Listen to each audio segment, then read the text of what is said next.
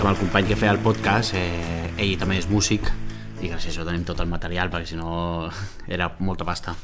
El- si, em- si ho vols fer mínimament bé. Els podcasts de, de què eren? De comèdia, els dos són de comèdia. Com es deien? Un es diu Eternos Aspirantes i l'altre El Mierdófono. I es poden escoltar a algun lloc? Sí, estan, estan, a, estan a YouTube, eh, sí, bàsicament estem a YouTube i també el tenim a, a iTunes, però em sembla que per iTunes només ens escolta una persona. és un, un llanero solitario que s'escolta per allà, eh, estem a YouTube. I com va sorgir això de fotre? Pues va sorgir lo de, lo de la comèdia va sorgir pues, sobretot amb, amb un amic que, que sempre pues, escoltàvem molts podcasts, ens agrada molt la comèdia i ens juntàvem a, pues, això, a parlar i, i oh, has vist això i tal i un dia el tonto va ser com hòstia, eh, ja ens podíem gravar una conversa nostra perquè al final la gent dona la xapa i sí. per què no la tenem nosaltres i, i va quedar així amb risses i a mi se'm va així com quedar al cap i el truco el dia següent i li dic, escolta, i si ho fem? I ho fem i mira, va sorgir una miqueta també així, també com a excusa de, de veure'ns, no? També era un podcast que fem quinzenalment i així pues, teníem l'excusa perfecta per, per quedar, fer unes birres, eh, xerrar i, i, bueno, i, i així em va molar molt. Jo a part també estava fent monòlegs en aquell moment, bueno, segueixo fent monòlegs i pues, bueno, era una forma també que m'obligava a escriure, a seguir fent comèdia i, i per això ho vam tirar. Anem a, anem a començar pel principi. Sí, sí, sí. d'aquí. No, jo pensava que era introducció això, eh? Vull dir que... Um, tu et dius Marc Muñoz. Jo sí. Ja, per fer una mica de presentació així. Uh. -huh. uh, que ens anys tens, ara? 31. Vale. I Mal per tots. per, per què? Tothom en fica més. o sigui que... Um, explica'm això, com, com tornar als inicis, com vas viure a l'escola i, i l'institut i tot això.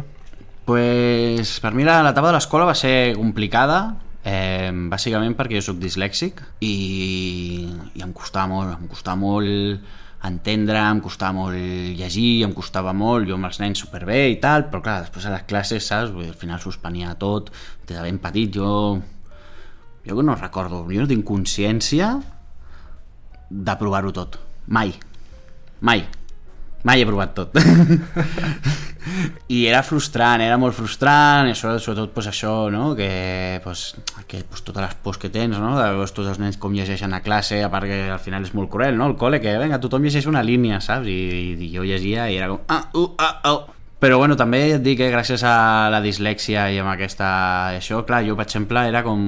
Buscava recursos, no?, per compensar. Era com, vale, jo no sé llegir, jo escric malament, pues, el meu cervell jo crec que ha après a funcionar eh, a velocitats molt més elevades, molt més ràpides, per en plan de, vale, quina alternativa tinc jo per, per això, va, mm, com puc sortir de la... mm, he d'escriure això i no sé escriure, com me'n puc en sortir per no escriure-ho, per convèncer algú que ho escrivi per mi, uh -huh. per, per fer-ho d'alguna manera? I aquesta part jo crec que se'm va despertar una vena molt creativa gràcies a això, sobretot a la dislèxia de, de, de no saber fer les coses i, i no voler semblar el niño raro Uh -huh. i, i, i tirar endavant. A part, en aquella època no, no es coneixia la dislèxia, no és com ara, no?, que està tot molt més, i jo era pues, el niño tonto de la classe. I com ho vas superar? Bueno, no, no ho he superat, jo Ah, vale, sent però- dislèxic, vale, vale, vull dir, jo, jo, jo, jo, jo tinc un monòleg que parlo d'això, de que, i no parlo de petit, parlo de la, la putada que és ara de gran, segueix sent dislèxic. I el dia a dia com és? Bueno, ara ja està molt més superat, perquè he anat molts anys al logopeda, he anat molt, molts anys... Però, per exemple, jo tinc moltes dificultats per, per vull dir, jo ara de cops que, que llegeixo una cosa i l'entenc totalment diferent als de més, i m'equivoco així de cops. Per, per, per llegeixes malament o no et queda la informació, els exàmens també pues, a la, a la universitat igual fent dos preguntes, jo llegia la primera llegia la segona, el meu cervell borrava la segona i contestava només la, ai, la primera i contestava la segona i ja està i... Quin és l'error més divertit que has tingut eh, llegint, equivocant-te? Hòstia, eh... Hi ha un carrer o alguna cosa? No, no, no, no, hi ha una broma que, que sempre, sempre l'explico i et dic, eh, eh, eh, vaig llegir un cop eh, cru, eh, Crucero por, Na por Nassau Vale. i vaig agafar, ah mira, Crucero por Nassau eh. i vaig agafar el folleto i, i pensava que era un crucero pel Caribe, saps? I vaig agafar-ho així perquè m'interessava i quan li vaig ensenyar a uns col·legues era un crucero en sauna, havia girat les síl·labes Crucero en sauna. Sauna, o sigui, era un crucero gay. Va. O sigui, jo pensava que era un crucero per Nassau, dir, perquè a part jo en aquella època estava flipat amb el Pirates del Caribe i tot això, Sí. i dic, oh, Nassau, tal, hòstia, que guapo de ser un crucero, i clar, no, no, que, que crucero de, de pirata ni, ni pel, per Caribe, era un crucero gay, o Hòstia. sigui, i coses d'aquestes, o o mil, mil, mil, mil. Jo- És que ja et dic, que també n'en faig tantes que tampoc, ja no, ni les retinc, saps? Um, I el batxillerat, com, com va anar? Pues jo el batxillerat... Eh, jo era mal estudiant. Bueno, no, no era mal estudiant, no, no en sabia, o sigui, no, no, no en sabia més. I al batxillerat, pues, bueno, van fer fora de l'escola perquè no em volien més, perquè pues, al final quan, quan t'ha ficat l'etiqueta d'aquests mal estudiant, pues, pues dius sí, pues ho seré de veritat, i era un liante. Em van fer fora de l'ESO i me'n vaig anar a estudiar al batxillerat, em vaig anar a canviar al batxillerat i total, que quan vaig allà, al final a l'hora d'apuntar-me, podia fer... no tenia ni idea què volia fer amb la meva vida i al final se'm infla una, la, la bombeta s'engega i dic, pues, pues per què no faig el batxillerat artístic? No sabia pintar, no sabia fer res, jo, saps? Però vaig pensar, dic, "Pff, entre, entre estar fent aquí història, literatura i tal, i aquí que puc pintar, dic, pues anem a pintar una mica, saps? Dic, almenys ho passarem bé. I em vaig embarcar, em vaig embarcar amb, amb, el, amb un batxillerat artístic sense saber pintar, sense saber dibuixar. Era el pitjor de la classe, clarament, però ja portava anys d'experiència sent el pitjor, o sigui que, que, que me'l me'l vaig passar mentre la gent estudiava i tal, jo anava al parc, pintava, eh, fèiem fotografia, fèiem muntatge audiovisual, vull dir que m'ho vaig passar genial, el batxillerat per mi va ser molt, molt xulo. I vas fer els dos anys. El vaig fer en tres, vaig fer en tres perquè em Val. van quedar alguna assignatura i vaig aconseguir d'una pena i en comptes de fer-me repetir curs em van deixar fer les tres del primer any amb, amb algunes de segon i de l'últim any la segon que em faltava més tipus com a la uni Vale, clar. i, i superguai, clar, l'any del mig va ser l'hòstia, saps? Perquè com que anaves en parxes, vull dir, anaves una classe amunt, vull dir, per mi va ser l'hòstia perquè ningú et controlava i... Hòstia, és curiós, això no ho, fan, no ho acostumen a fer els batxillerats, això. No, va ser com, com una prova pilot que feien allà i Home, jo crec que és millor, és un bon mètode. per mi va ser genial. Jo he repetit curs, durant molts anys m'he sentit molt culpable per haver repetit curs, i ara amb els anys, en perspectiva, dic que és el millor que he fet a la meva vida, repetir curs. Per quins motius? Per tocar-me les pilotes a dos mans. Clarament, sí, sí, sí. Per mi han sigut els dos anys, els dos anys que vas repetir, els dos anys més feliços de la meva vida. Total, jo no era un tio tonto. A mi, simplement, era dislèxic. I, i per mi, va, clar, al final és fer el mateix de l'any passat, a sobre, ets el gran de la classe, Uh -huh. i a sobre jo, com que a sobre vaig fer aquest any que ningú profe, o sigui, no sabien quin horari feia, perquè feia igual una classe amb els del social, una classe amb els del tecnològic, per poder qu- quadrar els horaris. Ningú sabia on estava, vaig tocar els sous a dos mans i, la millor experiència de la meva vida, tio. Vull dir, durant molts anys m'he sentit culpable per això, i dic, què collons, tio? Hòstia, el teu consell a gent eh, que estigui al batxillerat o, o que siguin mals estudiants, quin seria? No, no, Tampoc no, recomano que... que, que es toquin els ous, no? No, no ho recomano, no ho recomano, però que la vida també, hòstia, s'ha d'aprendre que, que ens traiem pressió, vull dir, que si perds un any de la teva vida per fer el que vulguis, no és un any perdut. No és, jo tenia la sensació, he perdut un any repetint curs. I, i, i quan ara miro en perspectiva, no sé, no, vaig ser un any que em vaig descarregar totalment de, de la càrrega que té estudiar, que representa molta, molta feina i molt esforç, i com que ja ho havia fet, li vaig poder dedicar temps als meus hobbies i a les meves aficions, i va ser anys genial, o sigui que, Que guai, que està la gent curri, que la gent faci la seva feina, però que també que la gent es relaxi. Um, I què vas fer després un cop vas acabar el batxillerat? Pues, també, com que no era bon estudiant, em van, em van, recomanar, em van recomanar no fer la selectivitat i me'n vaig anar a fer un grau superior. Vaig fer un grau superior d'integració social, que més o menys em molava l'àmbit social, i res, allà, pues, com que la cosa m'interessava més, ja, ja vaig començar a treure millors notes, i després em va pillar pues, això, que vaig acabar el batxi- a integració social i tenia una coneguda que vivia al Perú i vaig decidir anar-me de venturero a Perú. Amb quina edat? Pues hauria tindre pues, 19, 19 anys, mm, feia 20 anys aquell estiu. 19, 20 anys tenia, sí, sí, uns 20 anys I tenia. agafes un avió i te'n vas al Perú? Me'n vaig, al, me'n vaig al Perú i t'hauria en plan mochilero, en plan...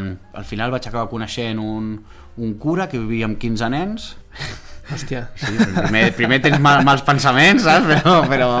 I vaig acabar vivint amb ell, vaig acabar vivint amb ell, vaig fer un projecte allà, a part els anaven a fer fora, aquells nens de la casa on estaven, perquè era una casa que era de l'església, i, i bueno, amb gent que coneixia d'aquí Barcelona, que estava fotuda amb temes del món social i amics i tal, es va aconseguir reunir molta pasta i es va poder construir una casa per a aquella gent que segueixen vivint allà, estan ara mateix tenen una casa de propietat i es va pagar també l'operació d'un nen que tenia un tumor al braç. O sigui, el projecte era aquest, era ajudar i crear habitatge i això?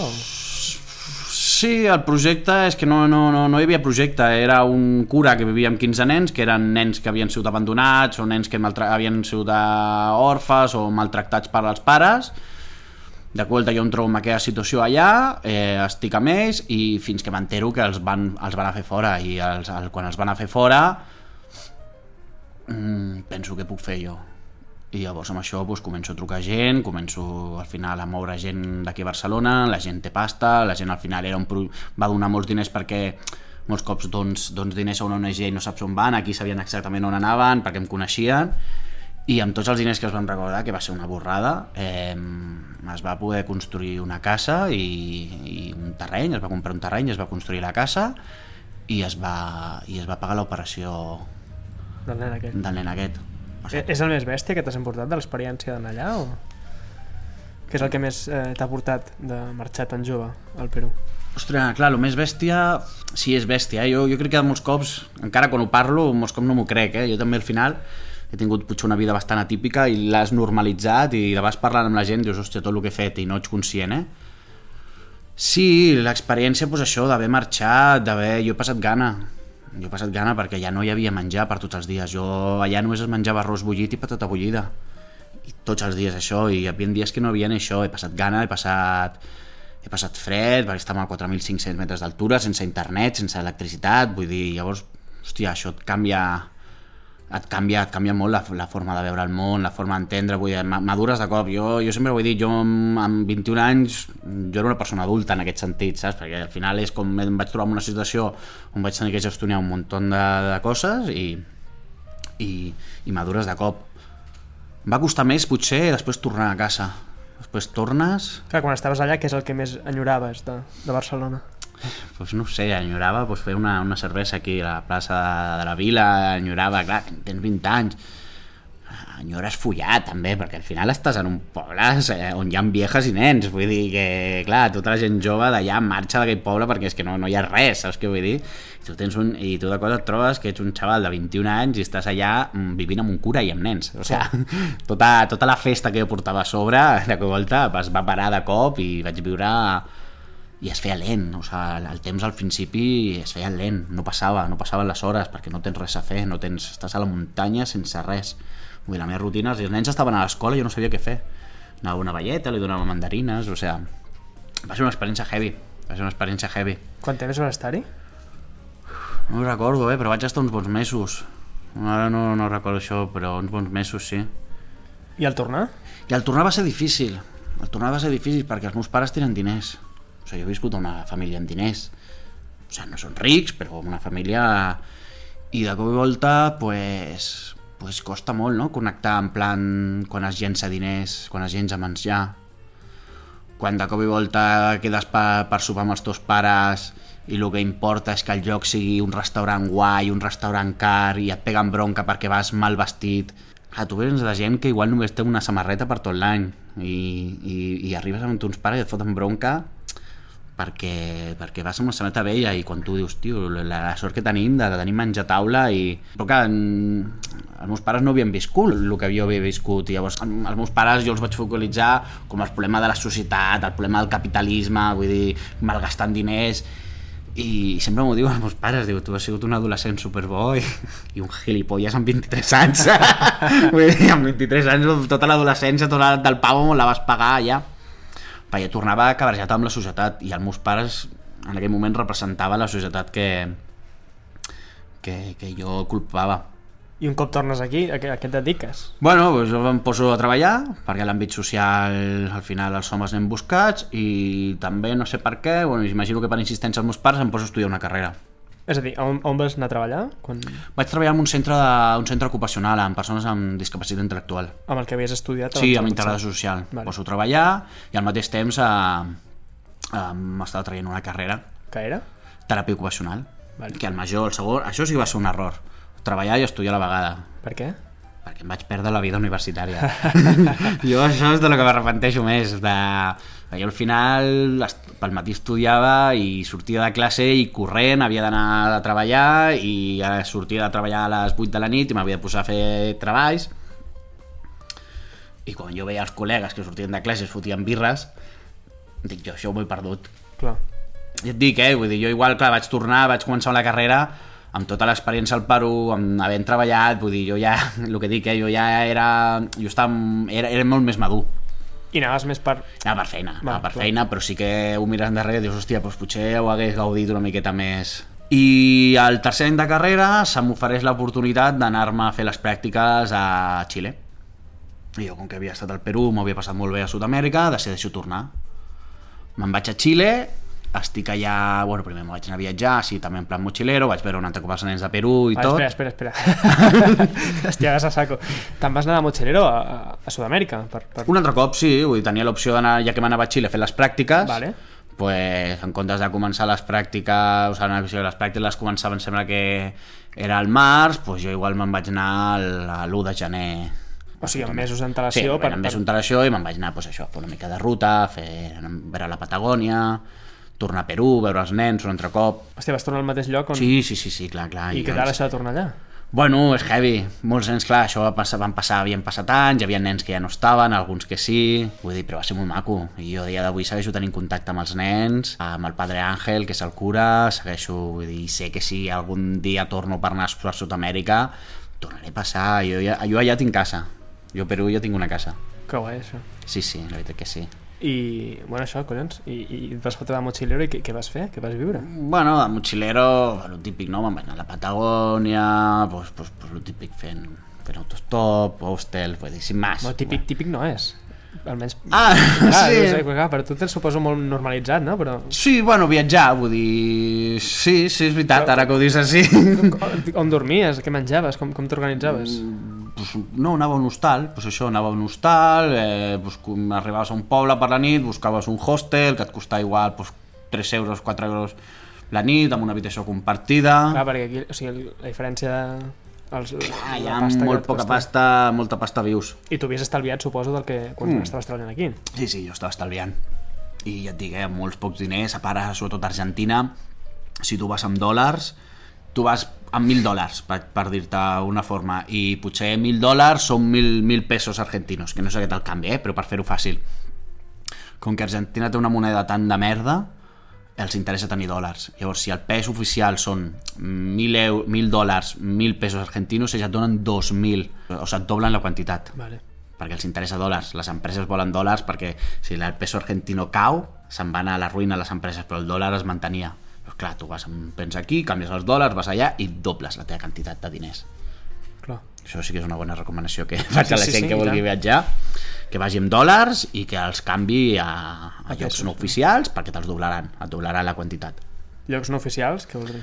Vull dir que no vagis a un banc que te'ls canviin al banc, tu canviaràs això, vas a cases de canvios o al Vale. mateix tio de l'hotel allà, bueno, hi ha triquinyueles ho aprens, pel camí ho aprens pel camí ho vas aprenent i res, doncs anar fent couchsurfing blablacars eh, Què és el més heavy que et va passar? Pues veus, no em va passar moltes coses, això sí que... sí, que sí, o sigui, no, però sempre em va sortir molt bé el viatge. Saps allò que penses, Sí, hòstia, sí, vaig sí. un viatge, que em passin coses, i em va sortir tot rodó, vull dir, no vaig tenir problemes, vaig conèixer gent. Sí que em va passar un... Sí que estava a la Patagònia, vaig començar una ruta per Torres del Paine, que és alta muntanya, vull dir, fred que te cagues, i vaig, vaig jugar una tenda de campanya, perquè jo no portava tenda de campanya, vaig jugar una i vaig anar a lo cutre i vaig jugar una barata, i la primera nit, eh, bueno, la Patagònia fa un vent de la hòstia, fa molt de vent, i la primera nit es posa a ploure, fa un vent però molt heavy, i se'm trenca la tenda de campanya. Del vent es trenca tota la tenda de campanya, doncs al trencar-se la tenda de campanya el plàstic et toca a sobre, et cau, i el plàstic al tenir en contacte amb la Amb pell transpira. Ah, vale. Pues em vaig trobar que de cop eren les 2 de la nit, empapat, eh, amb, sense tenda de campanya, amb un plàstic que em cobria i em tocava, i passant un fred de l'hòstia i desitjant que es fessin les 6 del matí perquè sortís el sol i pogués seguir caminant. Hòstia, sí, sí. Bueno, això és algo ja. Sí, i després, pues, bueno, pues, t'expliquen històries, no? Em va sortir bé el viatge, vull dir, va ser un viatge... Vull dir, no, hi ha viatges que et surten malament i Sí, la sí, lia, sí. no? Aquest, pues, anava jo, arribava a un lloc, coneixia gent, xerraves, et reunies a l'hostal, hi havia tota gent que estava viatjant com tu, pues, compartir històries, compartir vides i, i endavant. I després, quan vas començar les pràctiques, Vaig anar a les a pràctiques... quina ciutat era? a Santiago de Chile. Jo estava fent pràctiques a una població molt xunga eh, i allà vivia una comuna, bueno, una espècie de casa on vivíem amb, amb 20 persones. Allà sí que van passar coses. vivíem 20 persones de tot el món. Era una casa on hi havia gent que estava temporalment 5 mesos, 6 mesos, que també venia com jo a fer pràctiques d'intercanvi i gent que estava de forma permanent. Va, i les pràctiques de què era? Que... De, de pues això, de terapia ocupacional. Jo anava a una població i treballava amb gent amb trastorn mental Vale. i pues, intentava pues, treballar amb la comunitat i fer això. Què havies de fer? És a dir, quan trobes un, un cas, per exemple... Posa'm un Bueno, exemple. bàsicament pues, això molts cops era pues, anar per la comunitat descobrir gent que igual eh, es- tenia trastorn mental i les, les havien tingut, les maltractaven i intentaves parlar amb la família, intentaves incloure amb la a que participessin a la comunitat, o sigui que la gent amb trastorn mental no fossin gent que estigués allà tancada i abandonada, sinó poder-les incloure amb la comunitat i que, que formin part de la comunitat i visquessin amb la comunitat. Vale. I van bé les pràctiques i, i de volta m'ofereixen m'ofereixen feina Allà. allà. I a mi se'm creuen els cables i decideixo deixar la universitat, deixo la feina també, perquè clar, jo m'havia agafat una excedència, Vale. vinc a Barcelona, em gasto l'última pasta que tenia... Clar, jo tenia el vol de tornada, vaig a la universitat, entrego les pràctiques de la universitat, amb els meus últims euros em compro un bitllet de tornada, estic un mes a Barcelona per lligar tot, deixo la feina, deixo la universitat, ho deixo tot i me'n vaig a treballar a Xile. I quan arribo, la directora de la, del centre que m'havia ofert feina em diu que no em contracta, Què dius? que, que m'aconsegueixi els papers i ella em contracta, però que ella no em farà els papers. I em trobo a Xile sense pasta, que no puc tornar a la universitat perquè ja, ja ha passat el plaç d'inscripció, que no puc tornar a Barcelona, o sigui, podia tornar a Barcelona, però que la meva feina ja no la tenia perquè havien contractat ja una altra persona. O sigui, em trobo de la meva experiència de la vida, de mm, deixo la universitat, deixo tot per anar-me a treballar a Xile, a no tinc feina a Xile, no tinc pasta a Xile, eh, ja estic a Xile, vull dir que això em vaig enterar quan vaig tornar, vull dir que ja m'ho podia haver dit, ja m'ho podia haver dit en plan quan estava a Barcelona, no tenia pasta per tornar, no podia tornar a fer la uni, no podia tornar perquè no tenia curro a Barna, era en plena crisi aquí que no havia curro, i vaig dir, toma el por culo, pues me quedo. Por lo menos un año hasta que em pugui, hasta que em pugui tornar a apuntar a la uni. I què vas fer en aquest any? Eh, doncs vaig treballar de forma de, de treballs mil pregaris, de cambrer, de no sé quantos... I bueno, va haver un moment que va ser molt xulo també perquè jo a la casa on vivia el propietari de casa tenia una empresa de trekking de- d'esports de muntanya i tot això i em diu que vol fer una, un projecte social amb jo com que treballo en l'àmbit social que vol fer un projecte social i tal i dic, vale, li ajudo, li ajudo a redactar el projecte que volia apropar com la muntanya als nens no? i a gent que no té recursos Total, l'Ajuntament ens diu que no, que no vol el projecte això, que vol un projecte d'escalada, que hi ha uns, un, un antic eh, al- almacens d'aigua i tot això, que van a fer unes construccions, unes presses, i que allà faran... Eh, que el projecte, si ens el compren, és per fer ensenyar escalada als nens que no tenen recursos. Vale. Jo canvio les quatre coses, els hi adapto el projecte i els hi compren, l'Estat ens el compra. Total, que, que dic, bueno, molt bé, ja estem, hasta aquí us he ajudat. I em diuen, no, no, Marc, que nosaltres no sabem tractar aquests nens. El profe d'escalada ets tu. I dic, jo no he escalat en ma vida. jo no he escalat en ma vida. I em diu, tens un mes per aprendre a escalar Hòstia. i hi havia un noi allà a l'empresa trekking que sí que havia escalar i em vaig passar un mes escalant tots els dies, aprenent i vaig acabar sent profe d'escalada ara ho penso i dic, no tenien ni seguro, ni titulació, ni res vull dir, jo estava fent una cosa super il·legal però eh, és, Sud-amèrica, ja funciona així Uh -huh. i em vaig trobar treballant de profe d'escalada Ara continues escalant aquí? no, no, no, deixat? ho he deixat no mola el rotllo escalada aquí a Europa Per què? Hòstia, ara em, em posaré en contra molta gent, eh? Perquè hi ha molta gent que escala, eh? Sí. però... Jo, no escalo, jo no escalo, m'agradaria, però, però no, no, no. Eh, Jo vaig veure, jo vaig veure que jo, clar, jo vaig començar fent un projecte social i a Sud-amèrica al final l'escalada és una cosa que que era molt de gent de muntanya, vale? vull dir, molt, molt la gent a la muntanya, jo escalava, pues, pues, s'escalava molt a la muntanya, molt tal, i era com gent molt autèntica, era, allà no, no era popular l'escalada. Allà qui escala és gent de muntanya, molt, molt d'aquest rotllo, i molt amb la filosofia de muntanya. I, i molt amb la consciència natura i tot. I vinc aquí, bueno, després al cap d'un any vaig tornar, i vinc aquí, quan vaig tornar i vaig dir, bueno, vaig seguir escalant, em trobo aquí que, que és un esport, no és un esport, és una moda, eh, tothom escala però parles amb la gent i hi ha molta gent que no ha anat mai a roca, saps? Que es diuen que són escaladors i no han anat mai a escalar roca, que són escaladors de gimnàs, de, del boulder, del rocòdrom, saps? Mm -hmm. I, I és un rotllo que no m'acaba de molar perquè hi ha molt posturets, hi ha... que no ho critico, eh, perquè jo també faig posturets a moltes altres coses, però igual, o sigui, no estic dient que aquesta gent faci malament, eh, però jo venia igual d'un rotllo molt zen, d'una escalada molt zen, molt natura, molt místic, i arribo aquí i em trobo la gent pues, com escalant, com qui va al gimnàs, aixeca el ferro i oh, mira que guai soc perquè he aixecat un ferro, vull dir eh, parlant de si el 8C plus, si el 4 no sé quantos, el 6B i allà no es parlava d'això, allà és mira tio, mira quina línia més maca, anem a escalar-la o saps, vull dir, no, no hi havia aquest punt de comparar-nos de, de, de, no sé, saps? Tinc una imatge que em va, em va, em va jo crec que aquesta em va travessar i veu un noi que estava ja escalant pum, va fer una cosa super complicada el noi sabia escalar molt bé, va baixar i va baixar i, i, i saps com que es pavoneava com, eh, mireu-me, saps el que he fet? I aquest rotllo, uah, no sé, se'n va creuar i... I ell era molt més pur, tu dius. No, no, no dic més pur, eh? Vull dir, no, no, no, no ja et dic que no, no estic dient que aquí no sigui pur i tal, era molt més...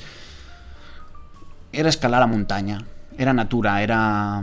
I aquí és més un esport, és més una moda, és més... Això és com ho he viscut jo, eh? Vull dir que ja et dic que hi ha molta gent que agrada l'escalada i sé que ara mateix diran, ah, que clipolles, que diu... Jo ho vaig viure així, igual venia jo d'un rotllo i aquí em va trastocar i si hagués començat a escalar aquí mmm, potser no m'hagués passat, eh? Però no sé, no vaig connectar amb el rotllo d'escalada aquí i ho vaig anar deixant i Escolta, t'anava a dir, que m'has dit abans, um, m'has dit que vas estar treballant de mil, mil feines i tot sí. això. Totes aquestes feines les has posat al, al, al currículum? No, perquè no em serveixen de res ara mateix. O sea, a mí di que he trabajado de camarero en un bar, luego he trabajado en un sitio haciendo pollos a las... Vas treballar eh, fent... He treballat de llocs molt precaris. Hi havia un lloc que era o sea, era una, una picada, una taverna així cutre, marrana, molt, però tenia molt rotllo, tenia molt rotllo cultural, perquè era molt autèntica. Però les dueñas eren unes xalades, teníem a borratxos, les dueñas eren unes pirates, venia la gent borratxa i si em deien que t'he pagado, jo sempre havia de dir que no, saps? Tot que sabia que havien pagat, vull dir, eren unes estafadores i a part això treballava potser 12 hores diàries, 7 dies a la setmana per mm, 7 euros al, al dia. 7 euros al dia per 7, 7 hores treball, eh, 12 hores treballades. Una misèria, vull dir igual guanyava pues, això, al final de, igual en propines 300 euros 300 euros de, al mes, així fent el càlcul. I potser el meu lloguer valia 200, 240 vull dir que t'estic parlant que em quedava misèria i mitja. Vull dir, feines molt precàries molt precàries, la gent està molt loca allà i o sigui, la taverna aquella i va ser, va ser dur, va ser dur, va ser dur vull dir i això després vas tornar directament cap a Barcelona ja. Va passar un any, sí, bueno, ja havia, ja, clar, jo ja portava entre viatjant, més les pràctiques, més tot el tema això, jo ja portava quasi dos anys allà a Xile i vaig dir, mira, doncs pues, me'n torno. Me'n torno, vaig tornar amb nòvia, d'allà, xilena, xilena d'allà, a vindre aquí, que als sis mesos ho vam deixar. I, hòstia, hòstia, per a què? Sí, perquè... Com va anar això? O sigui, eh, eh, perquè hi ha coses que funcionen en un context i en un altre no. Però ella va... va... Ella va vindre, ella va vindre, jo era com... Vale, jo de, a, a mi la universitat em diu que es veu que la Universitat Autònoma de Barcelona és una universitat d'excel·lència, uh -huh. ara m'entero, i que tenia tants anys per acabar-la, que si no l'acabava en aquests anys no, no, no la podia acabar mai més. Vale. I jo ja portava dos anys fora i se m'acabava el plaç i al final també estava fart de treballar en feines precàries perquè al final lo de l'escalada també el, el propietari va ser un pirata, es va portar molt malament amb mi, vull dir, al final vas de precarietat en precarietat i decideixo tornar i amb la noia que estava en aquell moment doncs va decidir vindre també aquí a Barcelona amb mi i fer un màster aquí. Era com l'excusa per vindre i així també podíem continuar junts. Però el que funciona en un lloc no funciona en un altre. Ah, I llavors quan vas tornar vas acabar, vas acabar la carrera. Sí, vaig acabar, vaig acabar la carrera i esto i a treballar. Um, quina edat tenies? Perquè han passat aquí... Sí, jo mil vaig acabar la carrera pues, això amb 27 anys. Sí, vaig acabar la carrera tard, 27 anys, por ahí. T'obren les portes del món laboral, aquí, i... Bueno, jo ja treballava, ja et dic, al tenir integració social, un títol i al ser de l'àmbit social que no, pràcticament no hi ha nois, ara hi ha més, però en fi, quan jo tenia 20 anys o si no hi havia, em va ser molt fàcil trobar feina. De què vas trobar feina? Pues he fet de tot, he estat en una escola d'educació espacial, he estat en un projecte d'intercanvi de xeringuilles al Raval, he Què, què, què és això? és, mm, és com és un programa de reducció de danys vale? que tu el, el, pa- pagat per l'Ajuntament no evites que consumeixin vale? perquè és com hi ha gent que vol consumir seguirà consumint però simplement ho intent, intentes que ho facin de la millor forma possible llavors bàsicament es tractava d'anar per les nits pel Raval tu els hi donaves eh, xeringuilles noves i ells et donaven les velles les usades així et garantitzaves que no les utilitzessin entre ells i que no les tiressin al terra i a part els hi donaves desinfectants, els ensenyaves a com injectar-se la droga, vull dir, per almenys si et vols drogar, droga't, droga't de forma segura. Uh -huh. o, o, o, o segura no, o reduint els danys. I durant una temporada vaig estar fent això. Pues, també he treballat molts anys de, amb, amb el tema caos, esplais, coses d'aquestes, i finalment ara estic en una fundació tutelar eh, en persones amb trastorn mental, sóc el tutor legal en persones amb trastorn mental que han sigut incapacitades per l'Estat Vale, i això com funciona? pues és gent que, que de, degut a la seva enfermetat el, estem al dia 1 de, 1 de gener i ja no té ja s'ha gastat tots els diners, que viu en condicions precàries i a l'Estat decideix incapacitar-los, que no saben gestionar.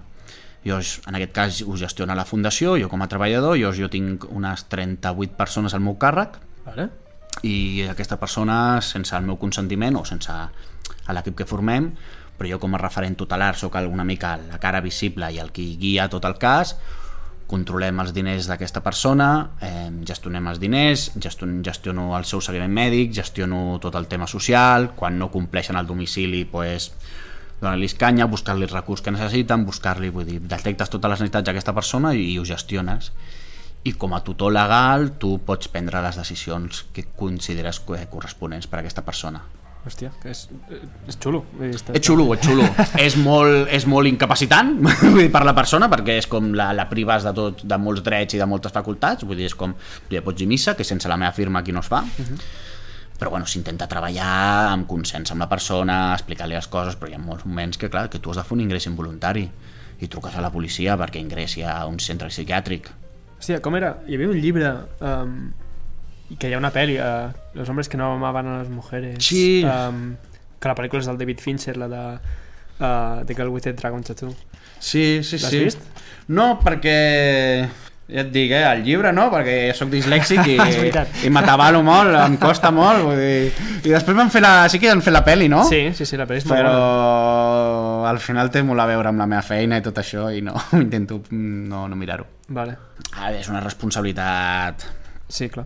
heavy, vull dir, clar, jo Si tens una... tota la, la vida d'una persona a les Ah, teves jo mans. ara mateix una persona que veu en un domicili jo puc decidir que aquesta persona ja no és capaç per, per viure en aquest domicili i gestiono i tramito a veure que no està en mi decisió vale, no, clar, jo al final eh, faig una sol·licitud però faig un informe vull dir, després per entrar en un centre vull dir, algú fa una valoració vull dir que no és com por Sí, mi sí. polla haces esto, saps? Vull dir, no, no funciona així, vale? però sí que és veritat que clar, un informe meu favorable o desfavorable o jo per exemple una persona que cobra tant li puc dir no, doncs ara per exemple fumes tant a la setmana doncs t'ho baixaré, et baixaré la quantitat de tabac Vale. o per exemple tinc gent que consumeix consumeix i, i decideixo treure-li tots els diners que té perquè sé que si tenen diners consumeixen llavors doncs, dic, vale, doncs, et trec tots els diners que tens, tu tens una assignació a la setmana doncs, a partir d'ara et trec aquesta assignació de la setmana i la compra te la faig jo online eh, tot el que necessites tu, tu compro jo però tots els diners que necessitis me'ls hauràs de demanar i t'ho hauré de comprar jo perquè si et dono diners corro el risc de que tu gastis amb, amb cocaïna o amb el que sigui Què és el pitjor i el millor de la teva feina?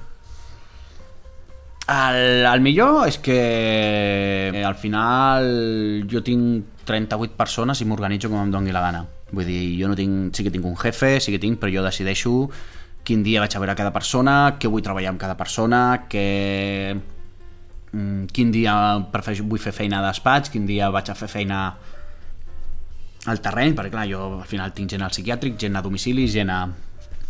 I aquesta llibertat és molt guai, aquesta llibertat de, de jo decidir és molt guai.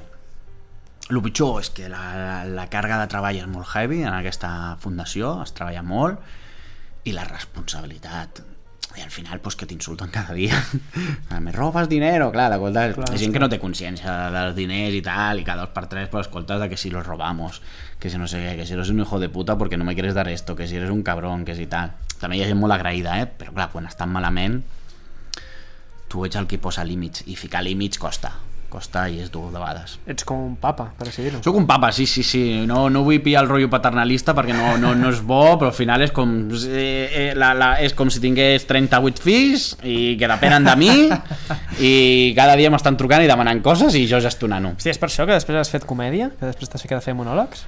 Per, per tenir una mena de vàlvula d'escape? Mm, és que sempre, sempre he fet comèdia. Jo sempre m'he pres la vida... Ah, Per mi l'humor ha sigut com un, un mecanisme de defensa. Saps? Vull dir, jo, per exemple, sempre, sempre, ja dic, eh, des del principi amb la dislèxia, per mi era la forma de fer broma i que ja bé i se'm perdonaven coses que feia malament. I, i, i amb una risa ho solucionava tot i també al final era és un mecanisme de defensa molt heavy la comèdia i llavors al final si portes 30 anys eh, fent comèdia com a mecanisme de defensa pues, acabes aprenent coses uh. -huh. tothom sembla, ah, ets molt divertit, no sé quantos i un cop em vaig decidir per fer un curs d'un Un cap de setmana Un curs de comèdia. un curs de comèdia, un curs d'escriure de, d'escriure stand-up Vale. a Stand-Up Stand -up Academy amb Gabriel Córdoba eh, va ser el meu profe, vaig fer un curs d'un cap de setmana on aprenies doncs, quatre coses com escriu un guió, com escriu com s'escriu un monòleg, com s'escriu tal em va molar molt em vaig apuntar al curs intensiu d'estiu em va molar encara més, vaig començar a actuar vaig començar a fer això, vaig a fer el segon any i bueno, vaig, vaig estar pues, això, vaig fer un curs de dos anys de, de, de comèdia i actualment eh, guanyo diners guanyo diners amb la comèdia és un hobby, és una afició i a sobre pues, em permet guanyar-me diners i si puc m'agradaria acabar de dedicar-me 100% a això On actues? Bueno, ara entenc que ja no actues. Ara sí, bueno, vaig actuant, ara tornen a obrir-ho un altre cop, però vaig actuant a bars, actuo a teatres, actuo, per exemple, m'han escrit també doncs, de, uh, per tema castells, alguna festa d'aquesta, el 30 aniversari, doncs, actues a, amb, amb shows, a alguna empresa també que fa, ara ja no, però quan feien sopars d'empresa doncs, et contractaven i vas fent coses, vas fent coses així, el que vas sortint i vas guanyant pasta i, i et dic que ara mateix no, no, no podria viure només d'això i menys en la situació actual Sí, clar. però de cop he trobat una cosa que em motiva, que em mola és un hobby que tinc i a sobre em genera diners i m'ho passo genial Que guai. Um, ja per acabar, fem dues coses. Explica'm com vas veure el primer cop que et vas pujar dalt d'un escenari a fer el teu primer monòleg. Què, què, què tal eh, és això de... el primer cop? pues jo vaig fer trampes Hòstia. vaig fer trampes, no, no, perquè uh, el, meu, el primer cop que vaig pujar a un escenari era un dissabte i el dia, i el dia anterior es va casar ma germana Vale.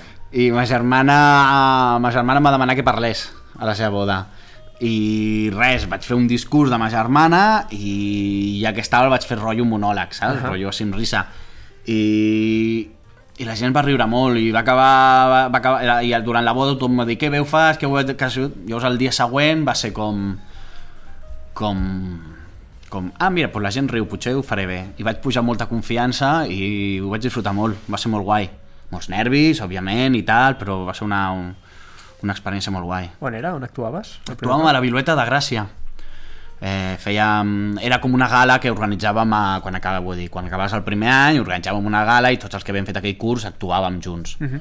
vull dir, llavors al final o sigui, eh, sí que és veritat que és, una, és un espai molt protegit perquè al final és com, vale, venen amics, venen col·legues no és com un teatre, Sí. sí. teatre allò però, però va ser molt guai, a part va, va funcionar molt i a part és que amb els còmics passa una cosa que, que tu ets tu sol amb un micro i la resposta és immediata, si la gent no riu ho veus No és com el teatre, que tu estàs actuant i et pots evadir, està ficat això i que no, i ja, allí, aquí trenques la quarta paret. I quan no va bé, no va bé. O sigui, quan no va bé ho veus, perquè hi ha silencis, fas un xiste i pum, calles perquè la gent rigui i no, i no, hi ha un silenci Això allò. ha de ser horrorós. Jo el primer monòleg no vaig parar de parlar en tot el moment. Dic, si jo parlo no hi ha silencis. És una bona I tècnica. fas així com... "Ah, va, va, va, va, va, va, va", I després, bueno, vas aprenent. Vas aprenent, però sí. Um, acabem ja. Quin, quin Sí. consell li donaries a, al teu tu de, de, no sé, fa 10 anys?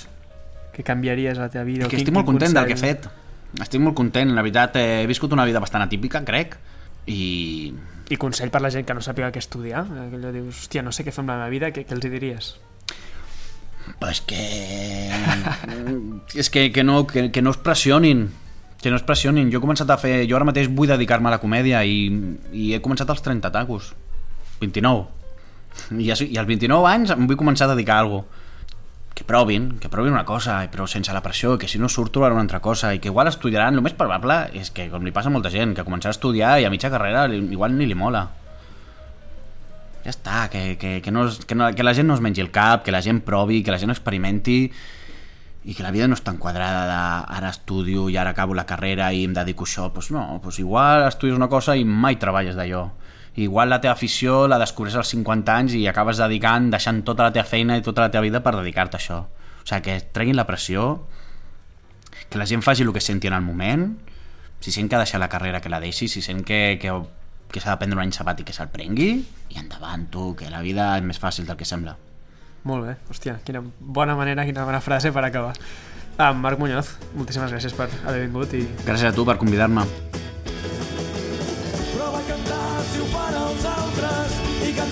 si et sembla interessant, riu a pulmó si ho fan els altres, però no t'estranyis si et gires que riguin de tu, que no et sorprengui si estan farts de tu, jugant a ser com és la gent normal.